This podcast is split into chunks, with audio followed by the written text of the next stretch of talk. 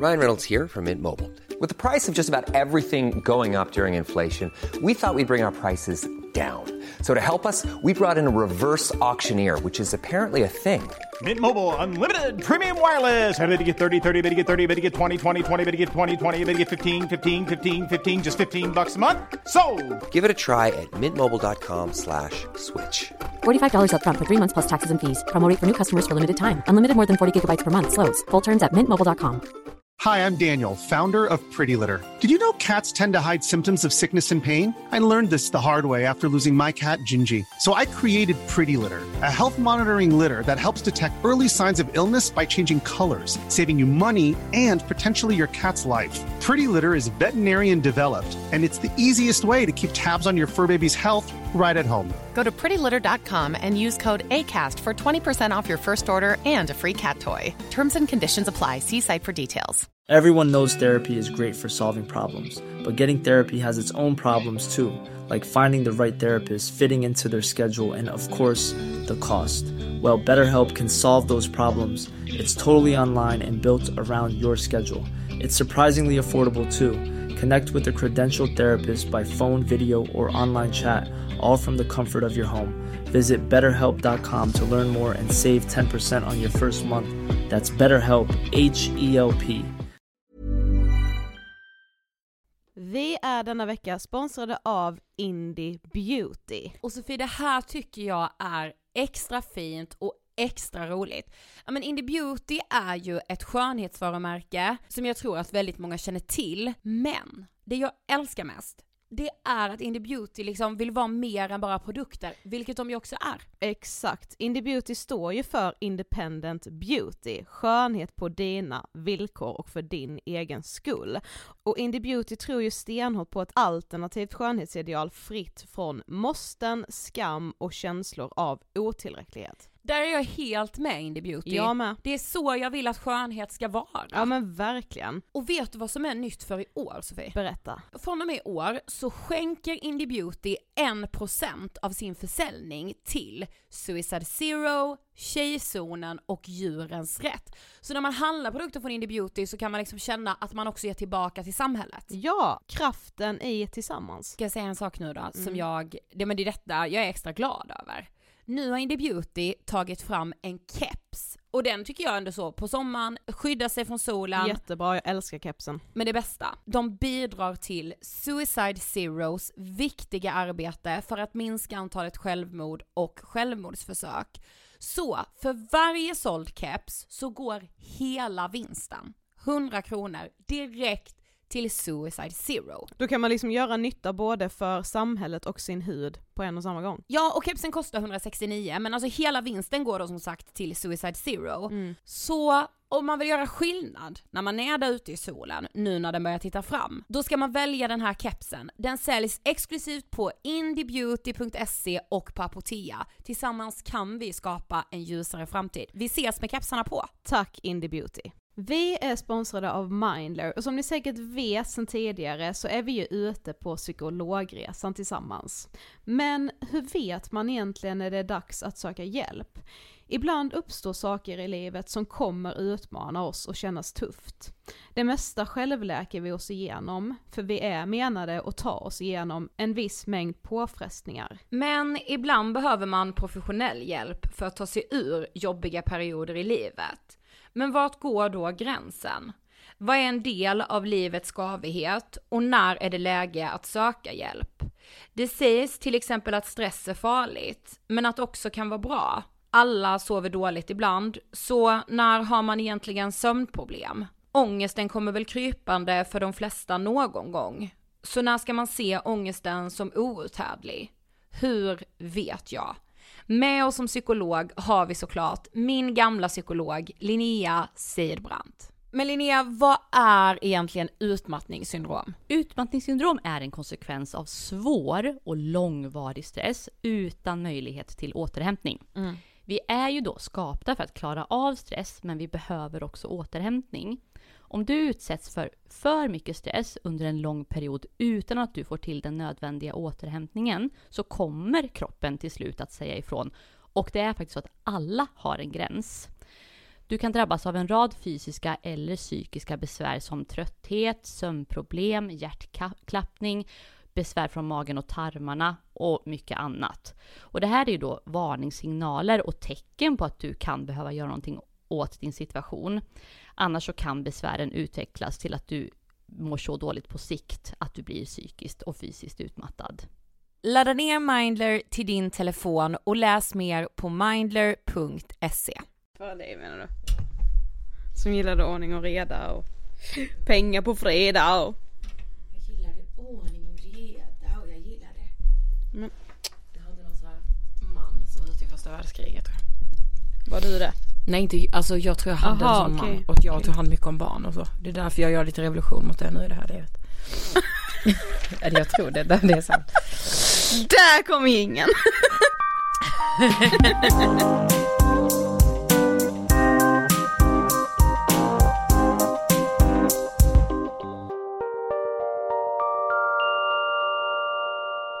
allihopa och varmt välkomna till avsnitt 208 av Ångestpodden! Happy birthday to Yeah. us! Happy birthday! Ja men jag tycker det här är helt, alltså otroligt. Jag är liksom fylld av, jag vet inte, eufori.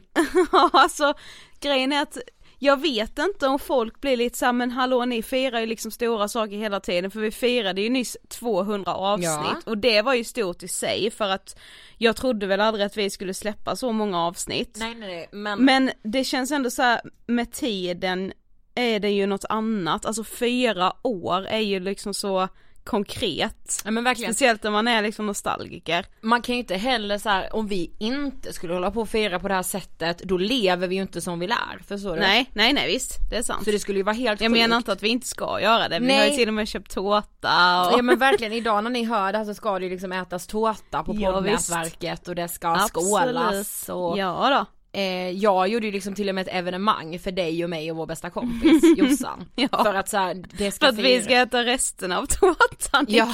ikväll. Och bubbel har jag tänkt.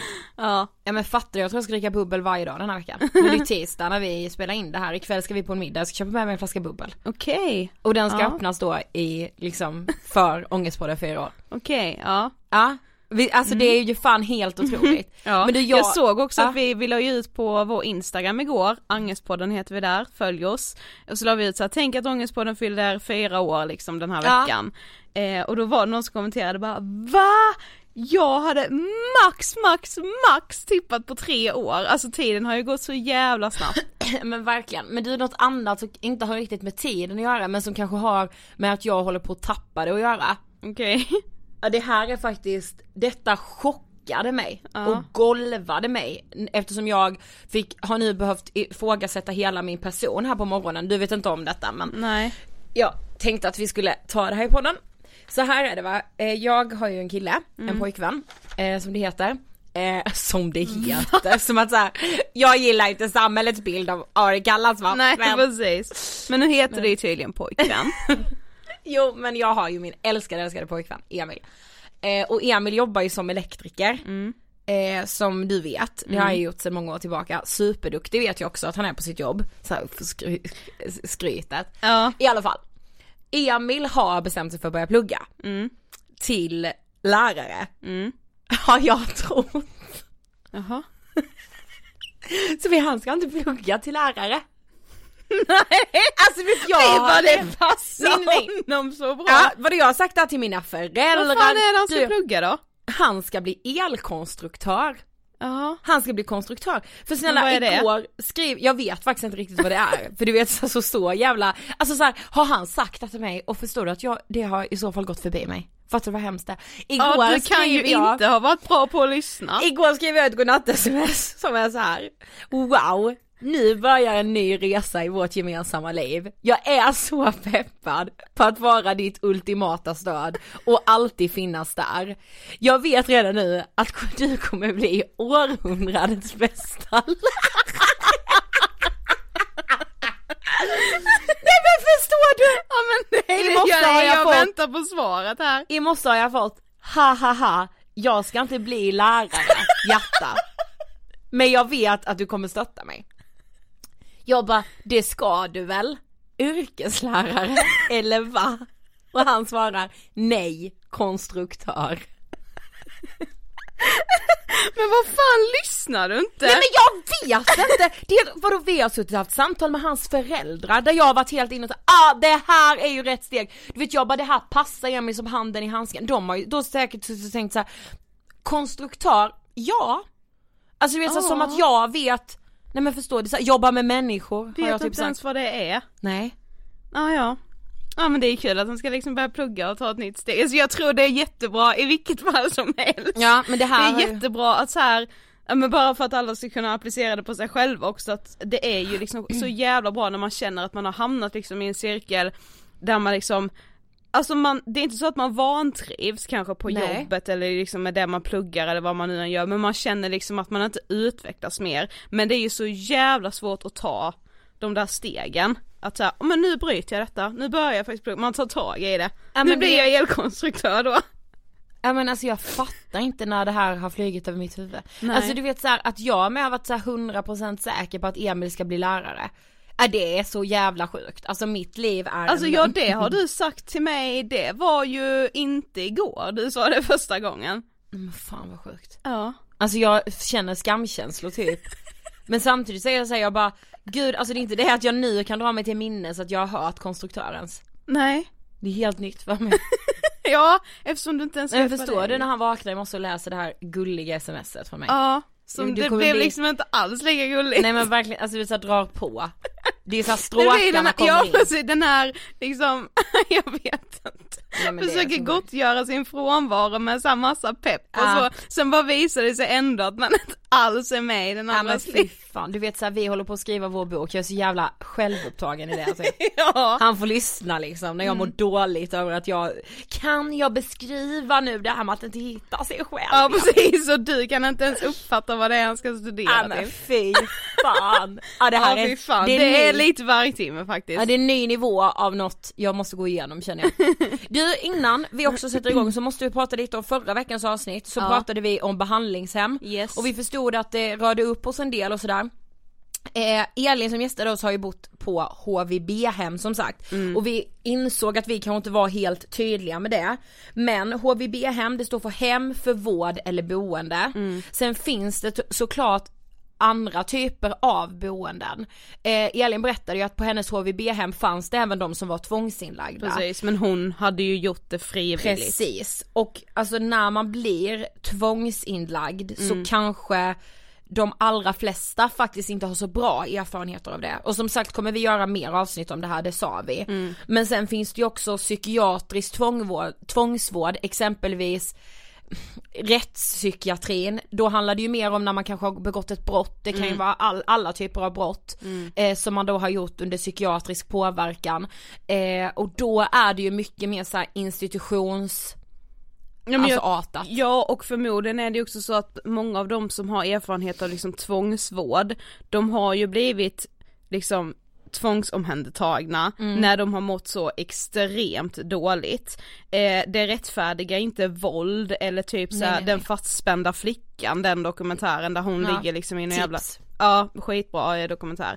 Eh, men så här, det rättfärdigar inte det, men det blir ju säkert också så att många som har blivit tvångsomhändertagna, det de minns från liksom den första tiden där är ju säkert våldsam och Mm. så jävla jävla mycket rädsla för man är ju såklart livrädd, man är liksom sjuk, tas ur sitt sammanhang från det lilla som man kanske har klamrat sig fast vid Mm. som ens vardag liksom. Ja och sen för att man faktiskt gör någonting med tvång. Ja, precis. Det är ju så skitobehagligt. Ja.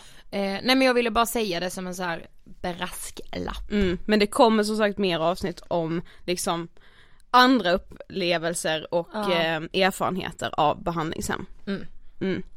Men jag ångrar inte att vi gjorde den bra sidan först. Inte jag heller. För att jag vill ändå fortfarande inspirera andra som kanske tvivlar och inte är helt säkra på om de ska söka hjälp. Och sen som inte heller är där av att kunna bli tvångsinlagd. Nej precis, man Men är inte ändå- så sjuk. Nej men precis, men ändå är jättesjuk liksom Mm. och behöver hjälp och att då kunna fatta det beslutet själv. Mm. Eh, ja, jag tycker med det, jag är jätteglad för det avsnittet. Jag men jag med. kände bara att jag ville säga det. Mm. Men eh, idag firar vi då alltså lite fyra år här. Nej men. Nej men och eftersom vi i 200 avsnittet gjorde vi ju liksom en del tillbakablickar och Ja. så eftersom det ju var livepodd och hela Precis. faderittan. Eh, men det kommer väl ändå bli lite kind of tillbakablickar på liksom jag vet inte, vi har ju pratat om fördomar tidigare i podden. Jo, men vi det har var ju ett det. av våra absolut första avsnitt. Det är typ avsnitt tre. Fyra. Ja. Myter och fördomar heter det. Ja. Mm. Eh, men vi tänker att vi liksom ändå ska vara där lite idag igen för att det har ju faktiskt ändå hänt väldigt mycket Mm. och vi har ju men alltså jag skulle dels säga att vi har ju blivit tusen gånger bättre på att podda. Nej men också att vi nog har stött på ännu mer fördomar och insett att så, okej det finns fan ännu Alltså mer jag har typ fördomar som inte är de här helt vanliga fördomarna som alla vet om utan mer de här strukturella fördomarna. Men grejen, alltså så här, jag blir så jävla less på att vi kan sitta och podda om det här, alltså fattar du? Att vi så fyra år efter att vi startade Ångestpodden så genomsyrar det fortfarande samtalet om psykisk ohälsa. Jag fattar att så här, medialt kan det kännas som att alla pratar om psykisk ohälsa men det spelar ingen roll så länge vår mänskliga syn inte, inte förändras då behöver vi väl fan Men det prata beror om det också ännu på mer då. hur man pratar om det har Ja. jag läst på. Du, jag med. Mm. Jag med. Men det kommer vi såklart. Men alltså så här, det sitter ändå så djupt rotat i människor. Mm. Eh, alltså den här rädslan och stigmat och tabun, alltså liksom vi får den med modersmjölken på Mm. något jävla sätt. Ja men också typ att man liksom börjar prata om det för sent ju. Alltså jag vet att det var någon lärare som sa till oss efter att vi hade varit och föreläst någonstans, ni borde ju föreläsa för förskolebarn. Och liksom först kan man ju känna sig bara nej men gud det, det kan man det ska man kanske inte alls det göra. Eh, men på något sätt så känns det som att de som liksom pratar ut i media eller liksom står för sin psykiska ohälsa, de är ju ändå 20 plus. Ja precis. Alltså i alla fall de som får synas eller de som syns. Och det tror jag är alldeles för, för sent. Det- Verkligen. Alltså det är ju liksom Alltså- i tonåren mycket börjar.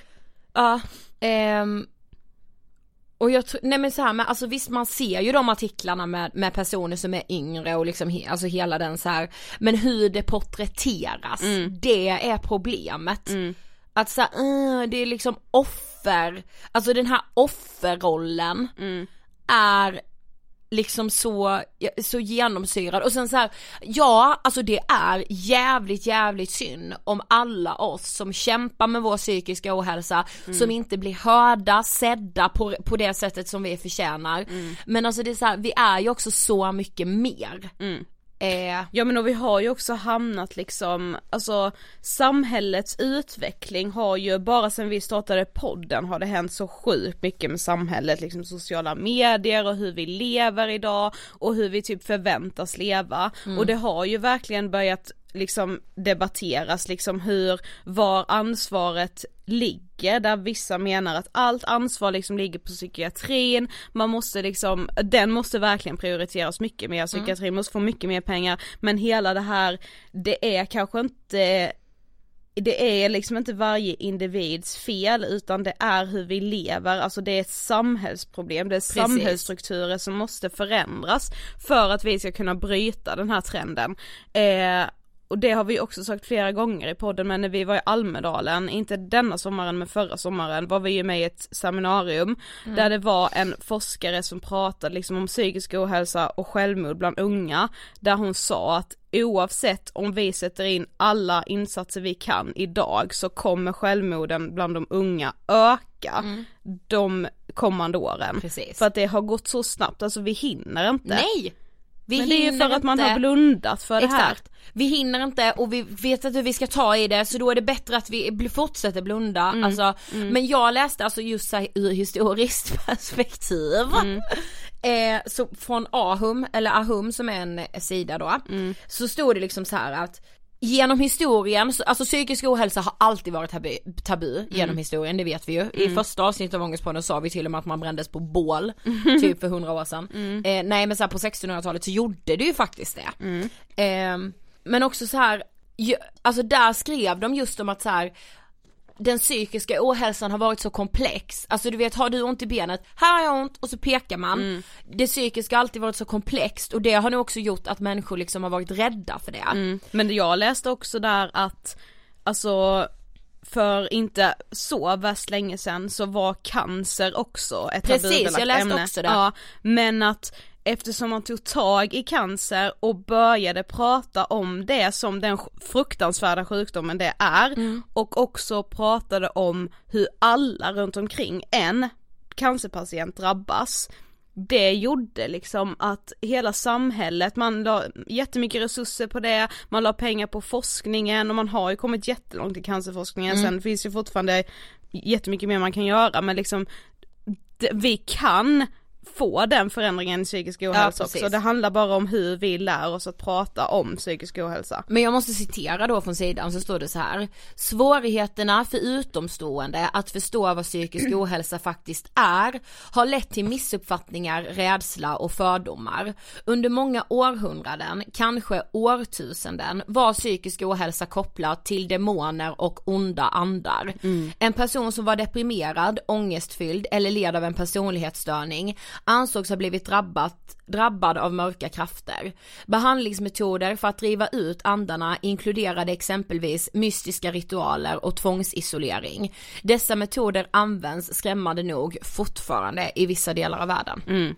Nej men alltså det är ju det, att så här, att vi inte ens i, i hela världen ännu alltså angriper psykisk ohälsa med värdighet. Mm. Alltså att vi så här, att det finns då liksom i vissa delar av världen så bara såhär, åh en demon har kommit in i den här personen, Ja, let's göra en eh, seans Ja och då blir det ju också att den som är drabbad tänker ju också och tror att ja ah, jo jag har nu blivit drabbad av en demon så jag söker inte hjälp. Nej men eller hur, det För här det är något pinsamt liksom. Jag det är har misslyckats. Ja men verkligen. Ja. Men också, jag läste en annan grej också i Läkartidningen Mm. som jag alltså verkligen så här fastnade vid för att jag bara men det här är det sjukaste jag har läst. Mm. Då stod det just att så här Ja men just alltså hur pinsamt många tycker att det är att söka hjälp för det psykiska, att det är liksom stigmatiserat att våga söka hjälp och hela den. Mm. Eh, det leder ändå till att så här som person när du mår dåligt så föredrar du ändå att vända dig till primärvården, Mm. vilket då är vårdcentral och, och hela den liksom, istället för att direkt vända dig till en psykiatrisk Man mottagning. kanske sa, åh men jag känner ju ändå Eva där min husläkare, Ja, jag men har ju typ. varit där och, Eller hur? ja, Ja. Men bristande kunskaper om psykiska sjukdomar inom primärvården leder i sin tur till underdiagnostisering och underbehandling. Detta står alltså i Läkartidningen. Det alltså det är det. inte bra. Att till och med så här, Ja men det har vi med sagt ganska många gånger och inte minst när vi föreläser att så här, idag har vi något som kallas första linjen psykiatri som ska funka då på vårdcentralerna och som ska vara lättare åkommor eh, när det kommer till det psykiska men det fungerar ju inte, alltså det Nej. är som att primärvården har ju inte den kunskapen som krävs. Men jag tror också liksom att, alltså, jag tror ju verkligen att det är en fördel om man träffar en läkare eller ja, psykolog med vem man, vem man än ska prata med om sin psykiska ohälsa, så tror jag nästan alltid att det är en fördel att personen själv har egna erfarenheter för att Ja, då fattar man på ett helt annat sätt. Men jag tror också att eftersom det är ett så tabubelagt ämne så bli, och eftersom det finns så lite info om det, alltså säg typ att jag har eh, lite av panikångest, sen pluggar jag till läkare och upptäcker då på läkarlinjen att vi läser ju knappt någonting om psykisk ohälsa. Eh, eller socionom, det har vi ju till och med liksom delat Mm. jättemycket på Instagram hur, soci- hur lite socionomer läser om psykisk ohälsa. Precis. Att så här, då blir det väl att man börjar ifrågasätta det och bara, det måste ju finnas en anledning till varför vi inte läser mer om det här. Mm. Och då lite förtränger man sina egna erfarenheter, Precis. så när man då träffar en patient eller en klient eller vad det nu än är, då liksom har man lite förträngt hur det själv, hur man Ja. själv hade det, för man bara så här. Det är typ lite känna efter ändå. Mm. Alltså du vet, jag tror att den risken finns också. Mm. Men samtidigt med så här, alltså om man tittar ur politisk liksom syn, alltså hur lite pengar det satsas på psykiatrin i jämförelse med alltså allt det somatiska, alltså allt det fysiska, eh, den sjukvården. Alltså det är ju inte konstigt att vi då har inbyggt att så här, det här är inte lika på riktigt Nej. som att bryta ett ben eller drabbas av eh, en blindtarmsinflammation. Nej. Eh, för att ja men drabbas du av en blindtarmsinflammation så vet ju du att du kommer bli, den kommer bli bortopererad när du åker in till akuten. Mm. Men om du drabbas av självmordstankar så är det så här, det finns liksom ingen garanti för vad som händer när du tar dig in till vården då. Precis. Och det spelar också sån i extrem roll var i landet du söker Mm. den hjälpen. Alltså jag, du vet så här. Vad fan sänder det för signaler? Konstigt att vi då tr- tror så här, jag är sjuk i huvudet eller jag eh, förtjänar inte hjälp eller det här är liksom inte på allvar. Mm. Nej, eftersom politikerna sänder ut exakt det budskapet Mm. är det ju inte konstigt att vi tror att det är så. Nej. För hela liksom samhällsapparaten sänder ju ut det budskapet. Mm. Ja men sen vet jag inte, alltså så här, det det görs ju forskning, alltså det finns ju någonting som heter järnkoll som på uppdrag av regeringen Ja. forskar och liksom eh, kollar, alltså kollar liksom statistik och försöker göra kampanjer och liksom, och gör det skitbra. Men det är fortfarande liksom den här, det räcker inte att järnkoll vi och alla andra som liksom jobbar för att motverka psykisk ohälsa, det räcker ju inte att vi kämpar på i blindo Nej nej. när inte samhället liksom hakar på hela den men grejen. precis. Och jag eh, eh, då bara för, jag var inne på järnkoll Ja. eh, och då hade de bland annat så listat punkter på hur Ja men hur psykisk ohälsa ofta porträtteras, bara för att vi ändå är inne på det, i media. Mm. Och liksom massmedia, sociala media, eh, har ju liksom, ja men jag skulle säga typ den största makten Verkligen. i hela samhället. För det är liksom de som styr trender och, ja men hur, det har vi, vi har ju pratat väldigt mycket om källkritik. Men jag vet ju själv hur lätt jag går på saker eller hur lätt jag färgas av saker jag läser. Ehm, och då hade de gjort, ehm, alltså Järnkoll hade då eh, punktat upp fyra punkter, nej fem punkter på varför och hur media liksom porträtterar eh, psykisk, eh, psykisk ohälsa där liksom den som eh, leder då Ja. eh, ofta anses, eller lyfts upp som ett offer. Ja. Eh, och då är den första punkten så här. Det är extremt lågt deltagande i media. Två omfattande svenska studier visar att personer med fysiska och psykiska funktionshinder är kraftigt underrepresenterade i media. Eh, nummer två, ensidig bild med fokus på sjukdom och problem. Det är vanligt att porträtteras som ett offer för sin sviktande kropp eller för olika samhällsinstanser. Fokus läggs på vad personen inte klarar av jämfört med samhällsnormen. Det, det stämmer ju. Verkligen. Eh, trean, värderande ordval. Det här är sjukt intressant.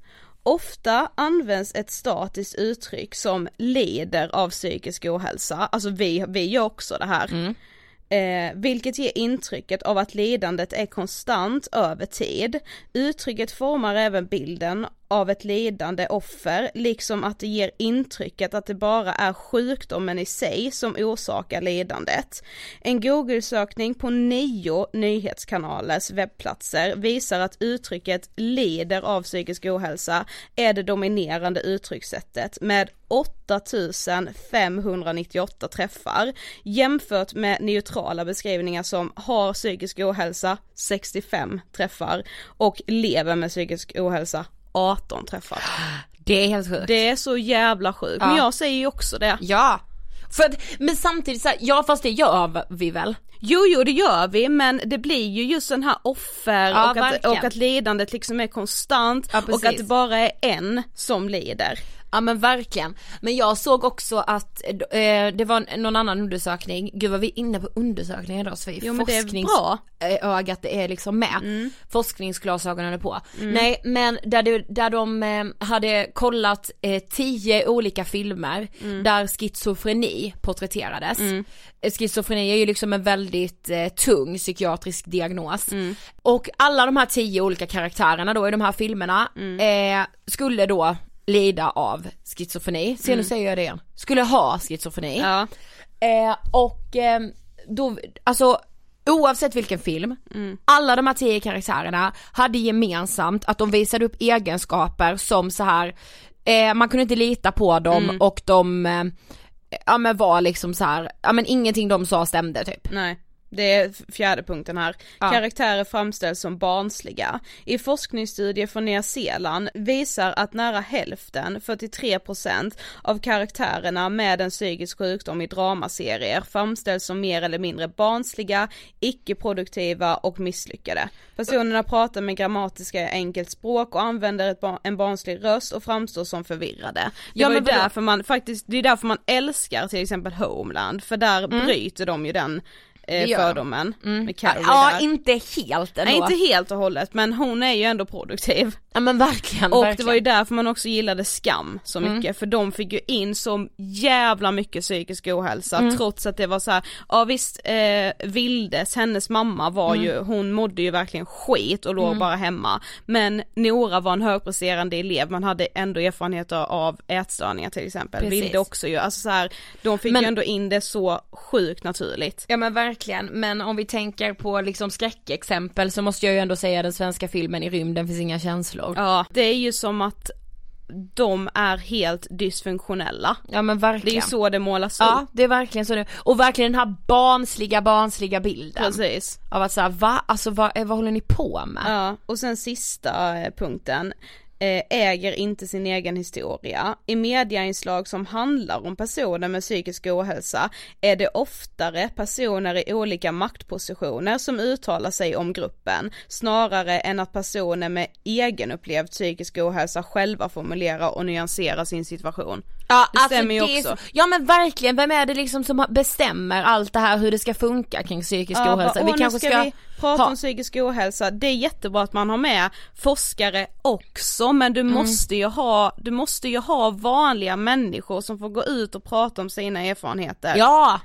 Okej men Sofie ska vi gå in på för, lite fördomar nu då? Ja. För det, alltså du vet så här, det här roar mig. Det är liksom på den nivån. Jag blir liksom Mm. Ja. så här, och vi frågade ju er på instagram också. Ja. Ni, var, ni är inte kloka. Nej det är Nej men mycket. ni är inte kloka och då menar jag verkligen så här. ni är så galna som har Ja men som så här, som skriver så mycket till oss men också, tänk att ni får vara med om det här. Mm. Ja, Alltså fan!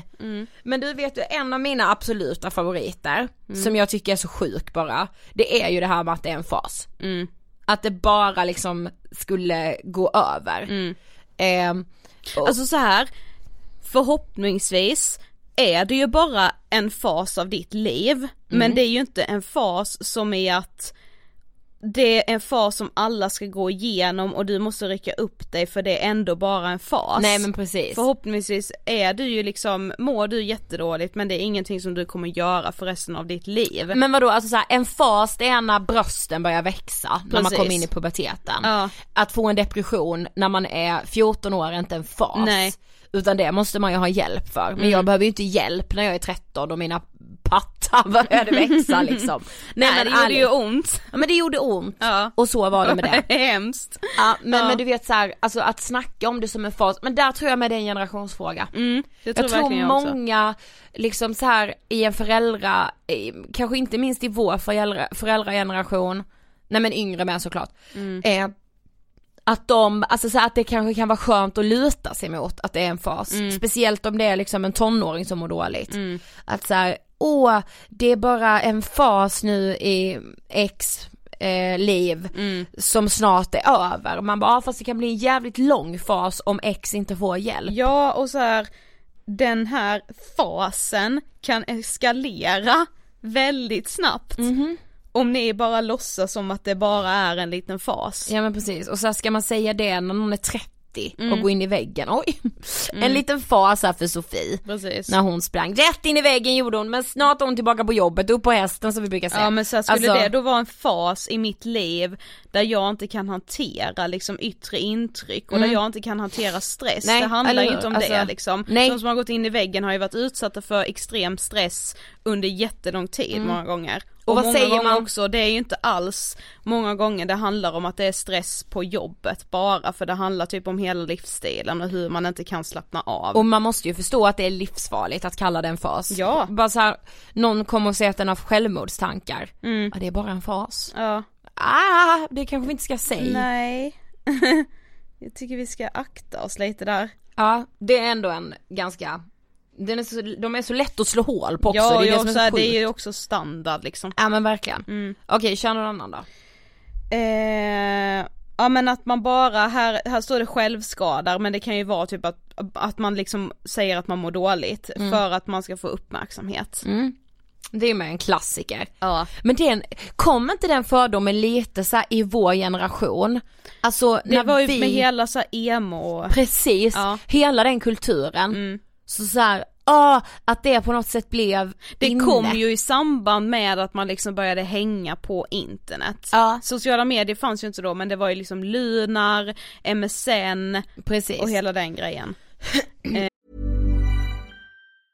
Ready to pop the question? The jewelers at BlueNile.com have got sparkle down to a science with beautiful lab grown diamonds worthy of your most brilliant moments. Their lab grown diamonds are independently graded and guaranteed identical to natural diamonds, and they're ready to ship to your door. Go to BlueNile.com and use promo code LISTEN to get $50 off your purchase of $500 or more. That's code LISTEN at BlueNile.com for $50 off. BlueNile.com code LISTEN.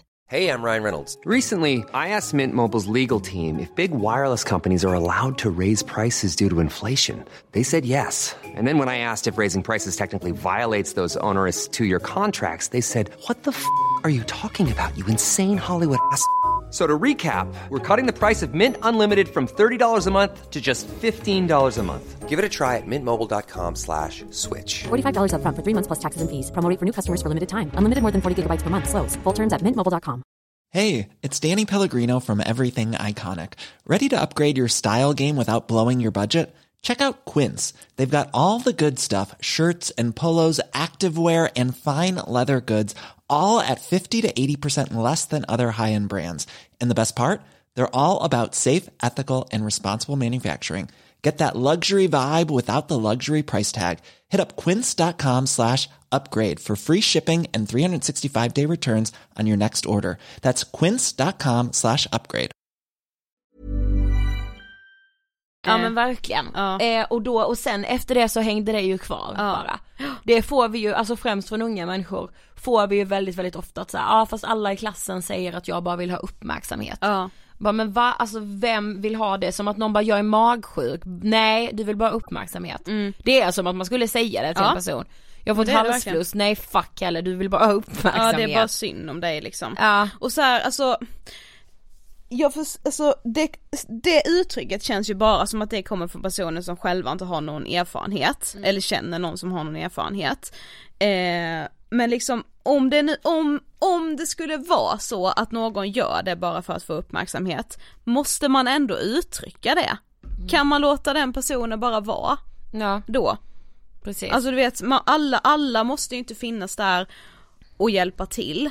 Men det är ju samtidigt så att man måste ju ändå försöka ransaka sig själv om det är de känslorna man har inför någon som hela tiden söker uppmärksamhet. Det behöver ju inte bara vara eh, i psykisk ohälsa, det finns ju personer som alltid har ont någonstans, det är alltid synd om vissa människor, hela, alltså så här, men jag vet inte men det är ju personer som av någon anledning inte mår bra.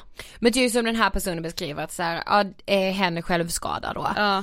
Eh, alltså folk som tycker att det i det läget är relevant att så här, du gör det för uppmärksamhet, bara, va, vem vill ha ont? Och För så uppmärksamhet, vem vill alltså- ha, vem vill söka uppmärksamhet eh, på ett sätt som är tabu? Ja men verkligen. Alltså, Alltså, varför skulle man vilja dra åt sig av den uppmärksamheten när det är så tabu att må psykiskt dåligt? ja men precis, och så här, om man vill ha uppmärksamhet så kan jag säga att det finns väldigt mycket andra sätt. Gud ja. Personer tar inte till psykisk ohälsa för det och så här hittar på det. Nej. Och om det finns någon som gör det, vi säger att det är någon som så här hittar på, men alltså då kanske det är en av hundra och då kanske vi måste låta den passera för att hjälpa de andra 99. Ja men precis.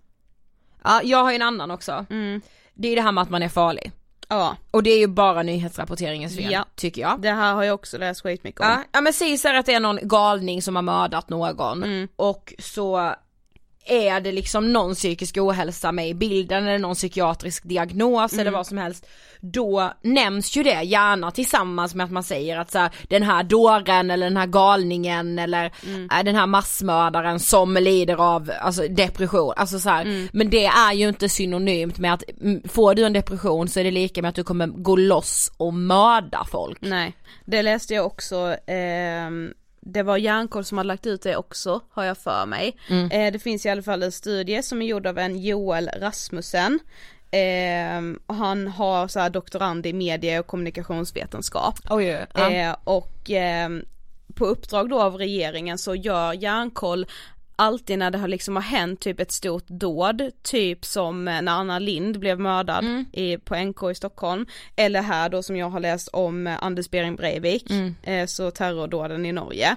Eh, då, har de, då gör de liksom, studerar de hur media liksom, hur snabbt det går innan man blandar in psykisk ohälsa och hur mycket man liksom använder sig av det begreppet Ja. typ för att få klick.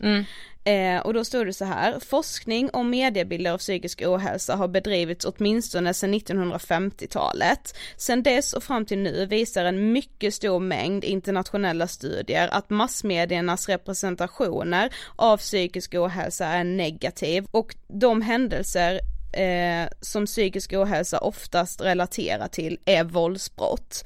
I massmedierna behäftas den som har eller antas ha psykiska problem med egenskaper som farlighet och oförutsägbarhet. Denna mediebild både påverkas av och förstärker gamla strukturella stereotyper. Precis. Det är liksom problemet. Det är ju därför man liksom inte vill säga att ja ah, men min, eh, mitt barn eller så här, man vill liksom inte stå för den psykiska ohälsan för man, man är så jävla rädd vad alla andra ska tänka om Ja. den personen. Men det är liksom ingen som skriver så här. Eh, åh, den här massmördaren hade magkatarr, det kan Nej. ha något med det att göra. Mm. Och det var Man bara, skit- jag har blivit, jag, jag har ju personligen blivit mer galen i min skalle när jag har magkatarr för att det är så jävla jobbigt än när jag hade en depression. Mm, och det är så jävla intressant för det, här- det var en jättelång studie så jag tänkte först bara åh gud jag måste läsa men det hade blivit alldeles för tråkigt att sitta och lyssna på när jag läser. Jag kan länka den i vår slutna Facebookgrupp, ångest på när vi pratar vidare. Ja. Men det stod bland annat att så här, de hade liksom då gjort staplar över och kollat hur många gånger man liksom hade skrivit då Breivik och psykisk ohälsa eller Breivik och någonting med hans politiska åsikter. Eh, och om man läste hela artiklar om honom, då var det vanligare att man liksom, man benämnde psykisk ohälsa ganska ofta men det var oftare man pratade om hans politiska ideologi. Ja det känns liksom, ju mer relevant. Ja precis, jävligt mycket mer relevant. Det känns ju betydligt mycket farligare än om det skulle vara så att han var drabbad av en, någon Precis, när man läste ingresserna så var det också så att det var oftare kopplat till hans politiska åsikt. Men när man läste titlar, Ja, alltså rubriker, Ja. då var det oftare så att det var psykisk ohälsa än hans politiska åsikt. Alltså fattar du vad sjukt Ja, det är? det är så jävla sjukt. Jag Jag, minns ju också det när man liksom började, när de började prata om att han måste ha någon psykisk diagnos för annars Mm. gör man inte det här och liksom, ja det, det är svårt att fatta hur en normal människa kan göra ett så sjukt Mm. dåd som det var eh, på Utöja. Ja, men- men, det visade sig att han inte var sjuk. Nej men jag vet. Han var ju inte det. Nej, vi, alltså den myten måste vi ju slå hål på att man skulle bli mer våldsbenägen. Mm. Alltså jag vill liksom så här, finns verkligen sambandet psykisk ohälsa och våldsbenägenhet? Ja men det gör det. Ja och jag Mm. tror så här, det måste såklart finnas i form av att du har ett missbruk. Mm. För då är det självklart att ökar, det ökar när du intar någon typ av narkotika, alkohol, alltså det, det är ju verkligen bevisat. Men det finns också då ett samband mellan våldsbrott och annan Mm. Ja, psykisk ohälsa. ja, men problemet är ju liksom att så här, det, det är ju ofta så att de som det var också något dåd här i Gamla stan, nu minns, jag tror det var samma år som Anna Lind blev mördad fast det var Okej. några månader tidigare.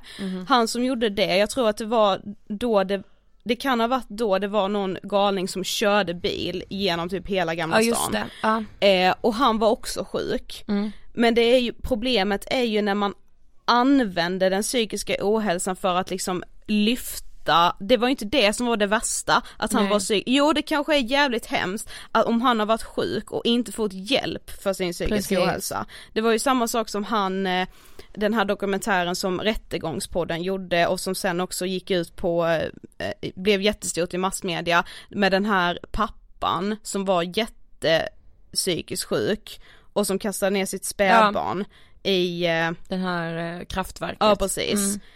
Och han hade, det visade sig att han hade inte fått den hjälpen han skulle Nej. ha, han hade inte fått sina mediciner och Mm. det är för jävligt. Mm. Men lägg inte skulden på honom då, utan lägg skulden på vården som Mm. inte har fångat upp hans psykiska ohälsa. Precis. Och liksom, jag menar på något sätt är det ju vårdens fel att han gjorde det.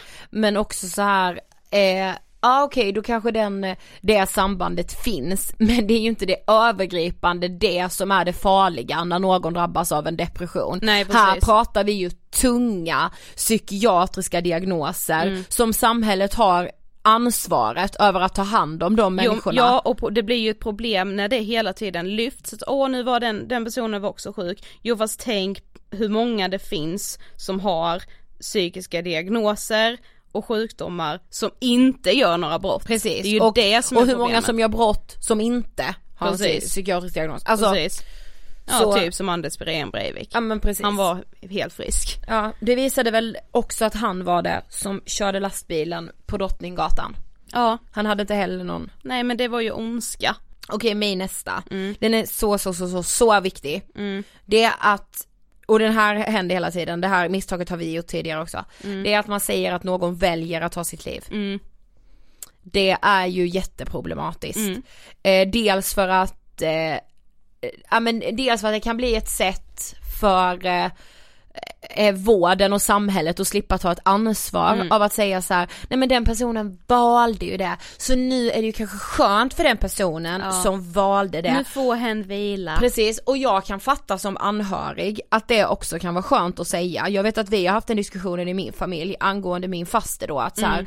men hon valde ju ändå det sa någon och jag var så här, jag bara nej det gjorde hon inte. Nej. Det kanske är skönt för oss att så här luta oss mot det. Men det kan tyvärr- ju vara en tröst. Precis, liksom. men ingen, alltså det, alltså så här. Det kan man trots allt inte göra och med den, för den sakens skull är det ingen anhörig som har eh, liksom en skuld i det ändå. Nej, nej men det är ju den psykiska ohälsan som gör att man väljer det. Mm. Men det var, det var ju inte Lisa som Nej. tog sitt liv. Alltså, Precis, hon alltså var ju inte frisk. Ingen människa väljer det. Nej. Utan självmordstankar är en dödlig sjukdom. Mm. Depression är en dödlig sjukdom. Ätstörningar är en dödlig sjukdom. Mm. Eh, det är ingen som väljer det på samma sätt som att ingen väljer att dö i cancer. Mm. Vi måste verkligen se det på samma sätt och alltså det, det uttrycket måste suddas ut. Mm. Och sen valde den att ta sitt liv. Nej! Nej. Ingen väljer det, sluta säga det. Mm. Och jag har verkligen hört det nu så massmedialt senaste året sen Avicii tog sitt liv. Mm. Att det är så många som har skrivit det och när man ska prata om det här självmordet som folk eh, verkar tycka det är eh, klädsamt att grotta i, vilket Mm. det absolut inte är. Nej det mig. Så pratar man också i termer om att den här personen valde det och Mm. det är befängt för Mm. ingen väljer det, vi Nej, måste men förstå jag det nu. tycker också att, eh, alltså så här, jag hade inte tänkt på det innan men eftersom man äh, liksom ofta psykisk ohälsa lyfts upp då med den här, eh, ja men att det är ett offer eller Mm. att man säger att den här personen valde att ta sitt liv. Det gör ju att alla runt omkring en psykisk sjukdom glöms bort. Precis. Alltså när någon dör i självmord så är det så extremt många drabbade runt Mm. omkring. Men de glöms ju bort, eller alltså så här, man lite typ förringar dem genom att säga, ja men den personen valde ju att ta Mm. sitt liv.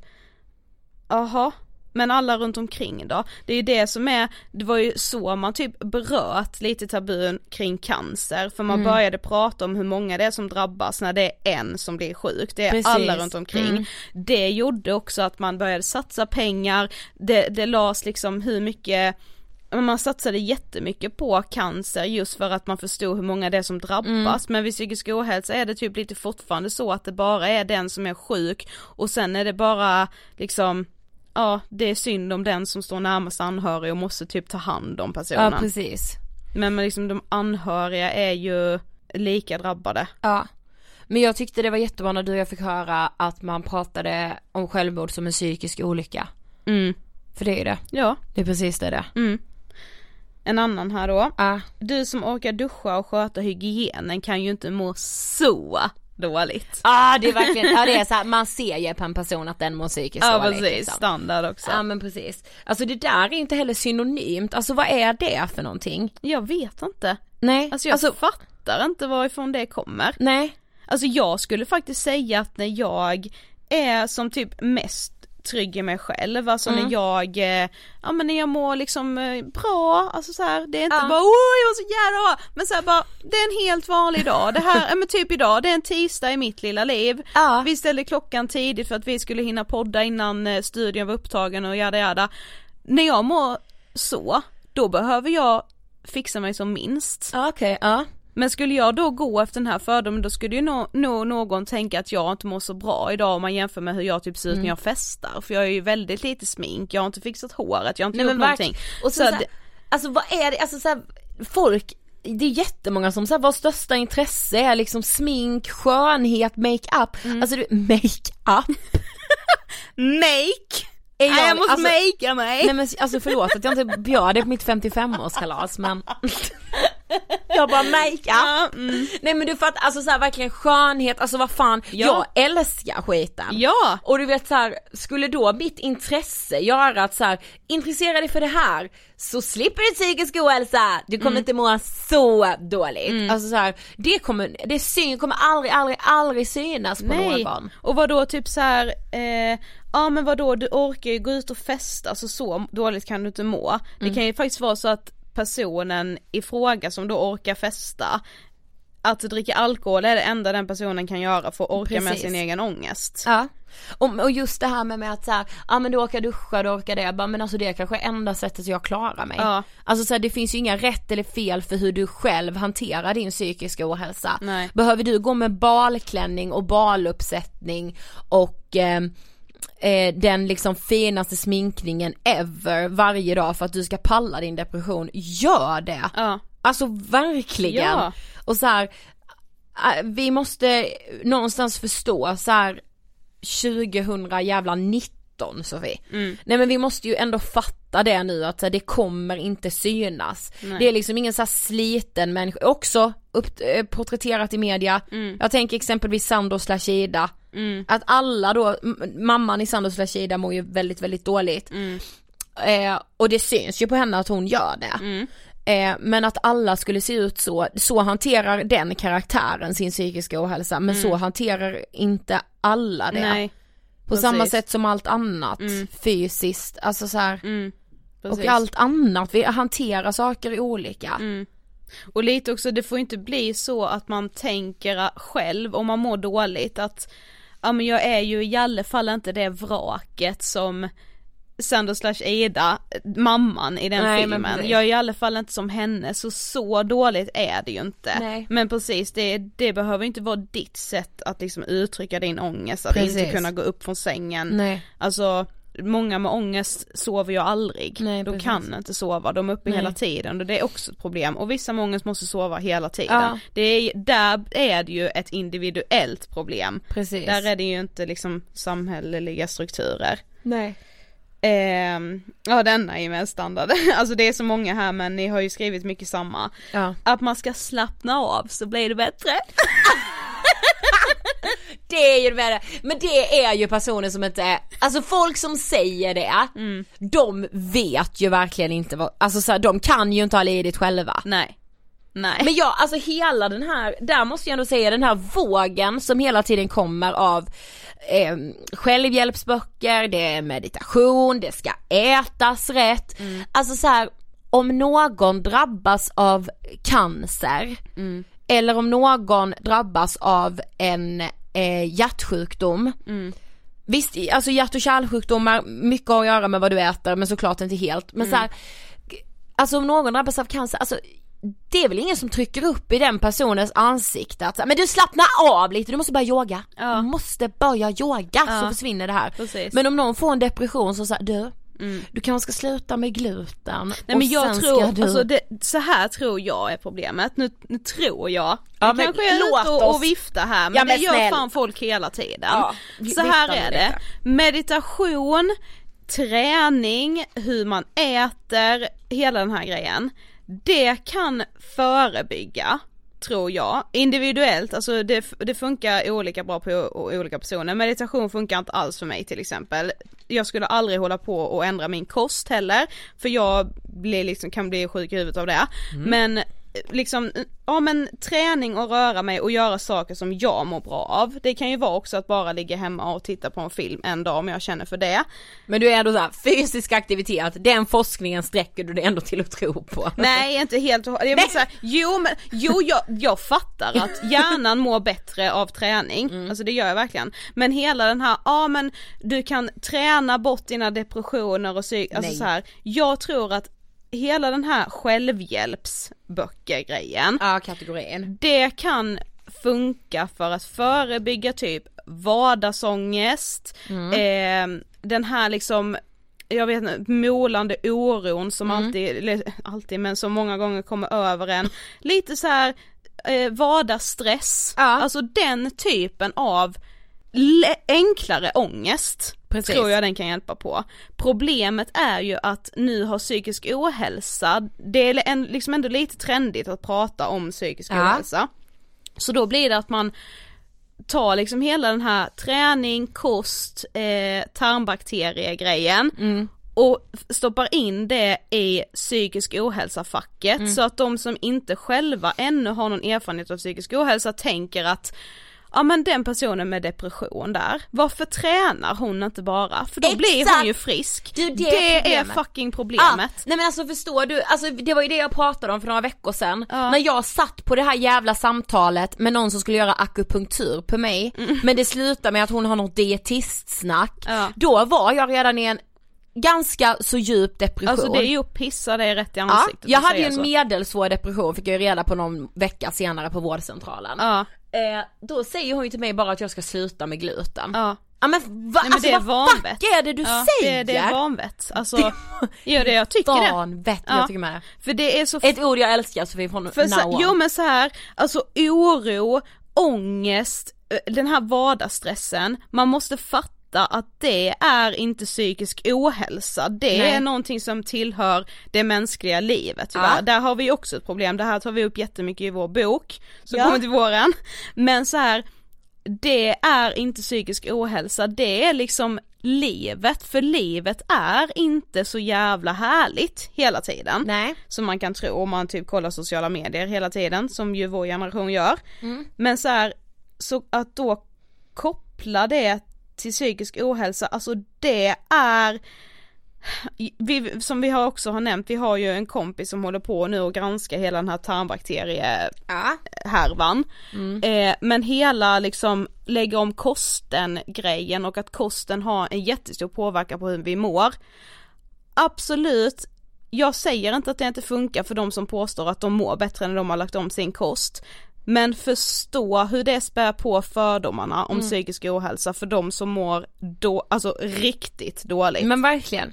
Alltså, Alltså, det, är, det är helt sjukt. Skulle det vara så enkelt som att lägga om Mm. kosten, då hade vi väl för fan inte haft psykisk ohälsa. Då hade vi inte behövt ha mediciner. Men Nej, det och- menar ju vissa då också att antidepressiv medicin är onödigt. Precis. Jag blir, alltså nej men jag blir helt jävla skogstokig när jag tänker Ja, men på jag det. med. Men Men jag tror att det är problemet. Nej men alltså förstå, alltså de som alltså påstår det att så här var sjätte timme tar någon i Sverige livet av sig. Ja. Du menar hånfullt nog att alla de personerna hade kunnat räddas om de la om sin kost. Ja, om de såhär, de le- hur levde de egentligen? Ja. Du vet den? Alltså du vet hade någon frågat mig det om angående min fasta vet inte jag vad jag gjort. Nej. Men, så, Alltså- men det är ju vi också som har sett psykisk ohälsa i sin klaraste form, Mm. typ som din faste Lisa och hennes självmord. Vi vet ju hur hon levde. Det var ju bland de sundaste, Ja verkligen, alltså verkligen. ja. och då blir man ju, man blir så jävla förbannad, Mm. alltså jag fattar inte hur det kan vara lagligt att koppla ihop de grejerna. Så Inte jag tycker såklart det är jättebra att, med att det kommer liksom nya råd och tips hela tiden för hur vi liksom kan leva bättre, för så som många lever sina liv idag, det är ohållbart. Det Verkligen. kommer jättemånga gå in i väggen, vi Mm. kommer ha en befolkning som är fan sjukskrivna hela Ja. Och det måste vi göra någonting åt. Där är det jättebra med så här, ja men tänk på det här och liksom så här kanske inte du ska äta för den livsstilen du lever så passar inte den kosthållningen eller ja men försök träna lite mer, få in det i din vardag eller försök meditera och hela den grejen för att stressa ner. Men man kan inte koppla det till liksom depressioner, Nej, ju inte. ätstörningar eller ännu tyngre psykisk ohälsa. Det är alltså det är, det är så jävla befängt. Ja det är jag- verkligen det. Ja. Ja, här är en intressant, alltså som någon har sagt då till den här personen. Mhm. Som har typ såhär, mm, det här är ju ingenting man vill liksom skryta med. Då har någon sagt så här: snyggt att skriva det på CVt. Nej men, nej, Men det, men det är också en intressant diskussion för alltså det vet jag faktiskt också på tal om, om Christian Dahlström, han har ju en podd som heter Sinnessjukt. Ja. För jättelänge sedan gjorde han ett avsnitt med en person som jobbade med rekrytering, Ja, om just liksom rekry alltså rekryteringsprocesser och psykisk ohälsa Mm. och ska man vara ärlig med sitt mående eller ska man Ja. inte det liksom? Ehm, jag tror att man måste liksom lära sig att se styrkorna i sin känslighet eller vad man ska säga. Alltså verkligen, och sen så här också om någon hade skrivit, där är vi återigen, är vi, landar vi i samma sak, om någon hade skrivit om sina psykiska åkommor, jag har ganska mycket problem med magkatarr så jag kan må illa då och då, okej hade en arbetsgivare sagt. Mm. Jag har ganska mycket problem med depressioner, jag har haft återkommande i mitt liv, då drar någon öronen åt sig, vad Mm. fan är det för samhälle? Jag vill inte ha den arbetsgivaren. Nej. Och sen fattar jag att så här, det låter väl skitlyxigt att säga jag vill inte ha den arbetsgivaren när man är i behov av ett jobb. Ja precis. Alltså så här, Ibland måste man ju anpassa sig efter en Verkligen, men att liksom leva i det samhället som, där, där det liksom blir en så här ett problem. Mm. Alltså det gör mig så jävla ledsen och Mm. arg och frustrerad. Mm. Eh, så här, det, varför jobbar inte alla företag med det i sin jävla företagskultur? Man har en värdegrund och man har sånt piss. Mm. Man har liksom schema över vem som ska diska i fikarummet. Mm. Ja jag hoppas verkligen alla pratar om depression också för det drabbar jävligt många människor. Ja det är så jävla sjukt. Det är något att skriva på CVt. ja. men du vet såhär, så här, det här kan du inte vara, det här kan du inte prata om. Nej. Nej. Ja. Det är helt befängt. Mm. Skriv det på CVt hörni. Nej men alltså vi är ju starka i det känsliga. Ja, Det är ju verkligen det vi är. verkligen.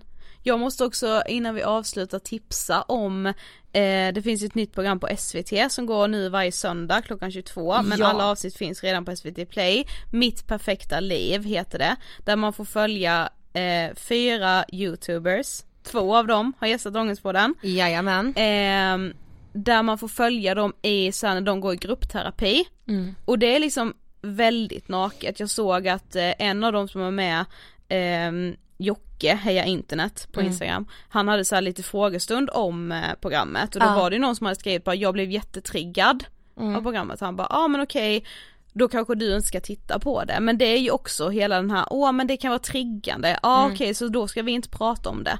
Nej men det går Alltså jag inte. tror att man måste, alltså om man vet att, om man vet med sig att man är i en period i livet där man kanske blir triggad av vissa saker, då tycker jag att det är upp till en själv Det är ens att, egna ansvar. Ja, Mm. att akta sig för vad man konsumerar. Alltså så här, sociala medier och samhället kan inte vara uppbyggt för att skydda dig Nej. från saker som triggar För dig. det utan blir ju också, det är ju också liksom, alltså så här politikernas och alla makthavares liksom skydd på något sätt. Det Ja. är därför de inte pratar mer om psykisk ohälsa för att det kan faktiskt vara triggande. Man kan liksom inte varna hela tiden och säga åh triggervarna, ni måste triggervarna det här. Nej det måste vi inte. Nej. Du måste direkt kunna stänga av saker och ting. Mm. Lyssna inte på avsnitt om ätstörningar om du vet att det triggar dig och sen så angrip liksom den som har skapat avsnittet, programmet, vad som helst. För att det är upp till dig. Jag är så trött på det. Jag, Mm. jag tycker inte att det är, det är upp till dig vad som triggar dig. Annars skulle vi behöva marka ut saker exakt hela tiden. Och så ser inte livet ut. Mm. Nej, och programmet är i alla fall jättebra och man vill ha en ärlig bild bara av Ja men jag vet inte, livet, det är liksom alla de fyra som man följer. Det är då Jimmy Star, Heja Internet, eh, Felicia Bergström och Sabina Desiree. Eh, och alla de är på helt, helt olika stadier i liksom ångest, oro, psykisk ohälsa och bara typ hur livet är. Ja. Eller så vad man har i bagaget. Eh, och det är bara väldigt ärligt, alltså det, på något, nu har jag sett alla avsnitt redan. Eh, vi är med faktiskt lite i avsnitt två. Eh, Oj, oj. Men Vilken ära faktiskt. Ja verkligen, jag blev helt chockad. Jag bara oj då är för fan vi. eh, men eh, man vill ha mer. Alltså jag vill verkligen ha mer av typ de här programmen för det är bara så jävla äkta och det är liksom livet i sin renaste form på något sätt. Och då var det så fint för så här, spoiler alert, men i sista avsnittet så har de då en liten eh, återkoppling typ. Eh, och då säger Sabina att bara men nu känns det som jag har kommit till ett stadie där jag är så jävla trött på att må dåligt. Ja. Men jag tror att det är bra. Och när hon sa det jag bara fy fan vad sant det är jag. Alltså du måste komma till ett stadie där du är så trött på din ångest. För då sker förändring. Mm, det tror jag med. Det är bara då du kan bli tillräckligt peppad, alltså att liksom söka hjälp eller bara så nu bryter jag fan de här mönstren. Mm. Sen kanske du, du bryter det ett tag, sen går du två steg tillbaka. Jo men liksom. så är det. Men det var så jävla sant när hon sa det bara. Ja. Att bara jag tror att i den här Alltså uppgivenheten och att man blir så jävla trött på sitt eget mående. Ja. Det är liksom först då det sker en förändring. Det tror jag med. Det är så sant. Jag tror verkligen på hela den grejen. Ja, så se det, Mitt perfekta liv på SVT Play. Ja, nästa vecka eh, vill jag prata lite i introt i alla fall om eh, Anders, jag och hans 23 kvinnor. Åh herregud ja. Eh, nej, Anders, jag och hans 23 andra kvinnor. Ja, Påminn mig om det nästa vecka. mm. För jag tänkte prata om det idag men vi hinner inte det. nej. Nu har tiden rullat iväg här. Ja, men ett grattis. Ja, herregud. Grattis till Fyra er. år. Alltså, Shit och till oss. Ja och tack till alla er som har lyssnat på alla avsnitt och, eller ja ni kan inte lyssna på alla avsnitt, ni lyssnar på dem ni känner att ni kan lyssna på eller vill lyssna på och det uppskattar vi. Nej men de här fyra åren har betytt allting för oss Ja. och nu kommer fler år tillsammans och vi hoppas att ni vill vara med oss. Ja men jag är en helt ny människa. Ja men jag med. Nej men lova oss att fira idag. Ja, Ta en liten skål eller vad som helst för det såg jag någon som kommenterade, yes jag som behövde en anledning till att dricka bubbel, nu Nej. har jag det, jo! Yay! Skicka till oss när ni firar ångestpodden fyra Ja. år idag. Snälla fan vad glad jag blir Gud vad då. härligt. Ja. Hejdå! Hejdå!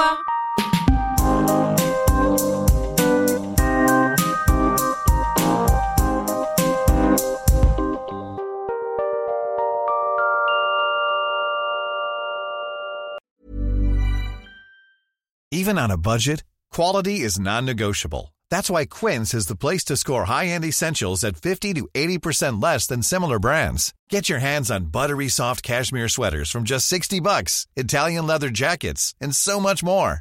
And the best part about Quince, they exclusively partner with factories committed to safe, ethical, and responsible manufacturing. Elevate your style without the elevated price tag with Quince. Go to quince.com slash upgrade for free shipping and 365-day returns. Even when we're on a budget, we still deserve nice things. Quince is a place to scoop up stunning high-end goods for 50 to 80% less than similar brands. They have buttery soft cashmere sweaters starting at $50, luxurious Italian leather bags, and so much more. Plus, Quince only works with factories that use safe, ethical, and responsible manufacturing. Get the high-end goods you'll love without the high price tag with Quince. Go to quince.com slash style for free shipping and 365-day returns. Mom deserves the best, and there's no better place to shop for Mother's Day than Whole Foods Market. They're your destination for unbeatable savings, from premium gifts to show-stopping flowers and irresistible desserts. Start by saving 33% with Prime on all body care and candles. Then get a 15-stem bunch of tulips for just $9.99 each with Prime. Round out Mom's menu with festive rosé, irresistible berry chantilly cake, and more special treats. Come celebrate Mother's Day at Whole Foods Market.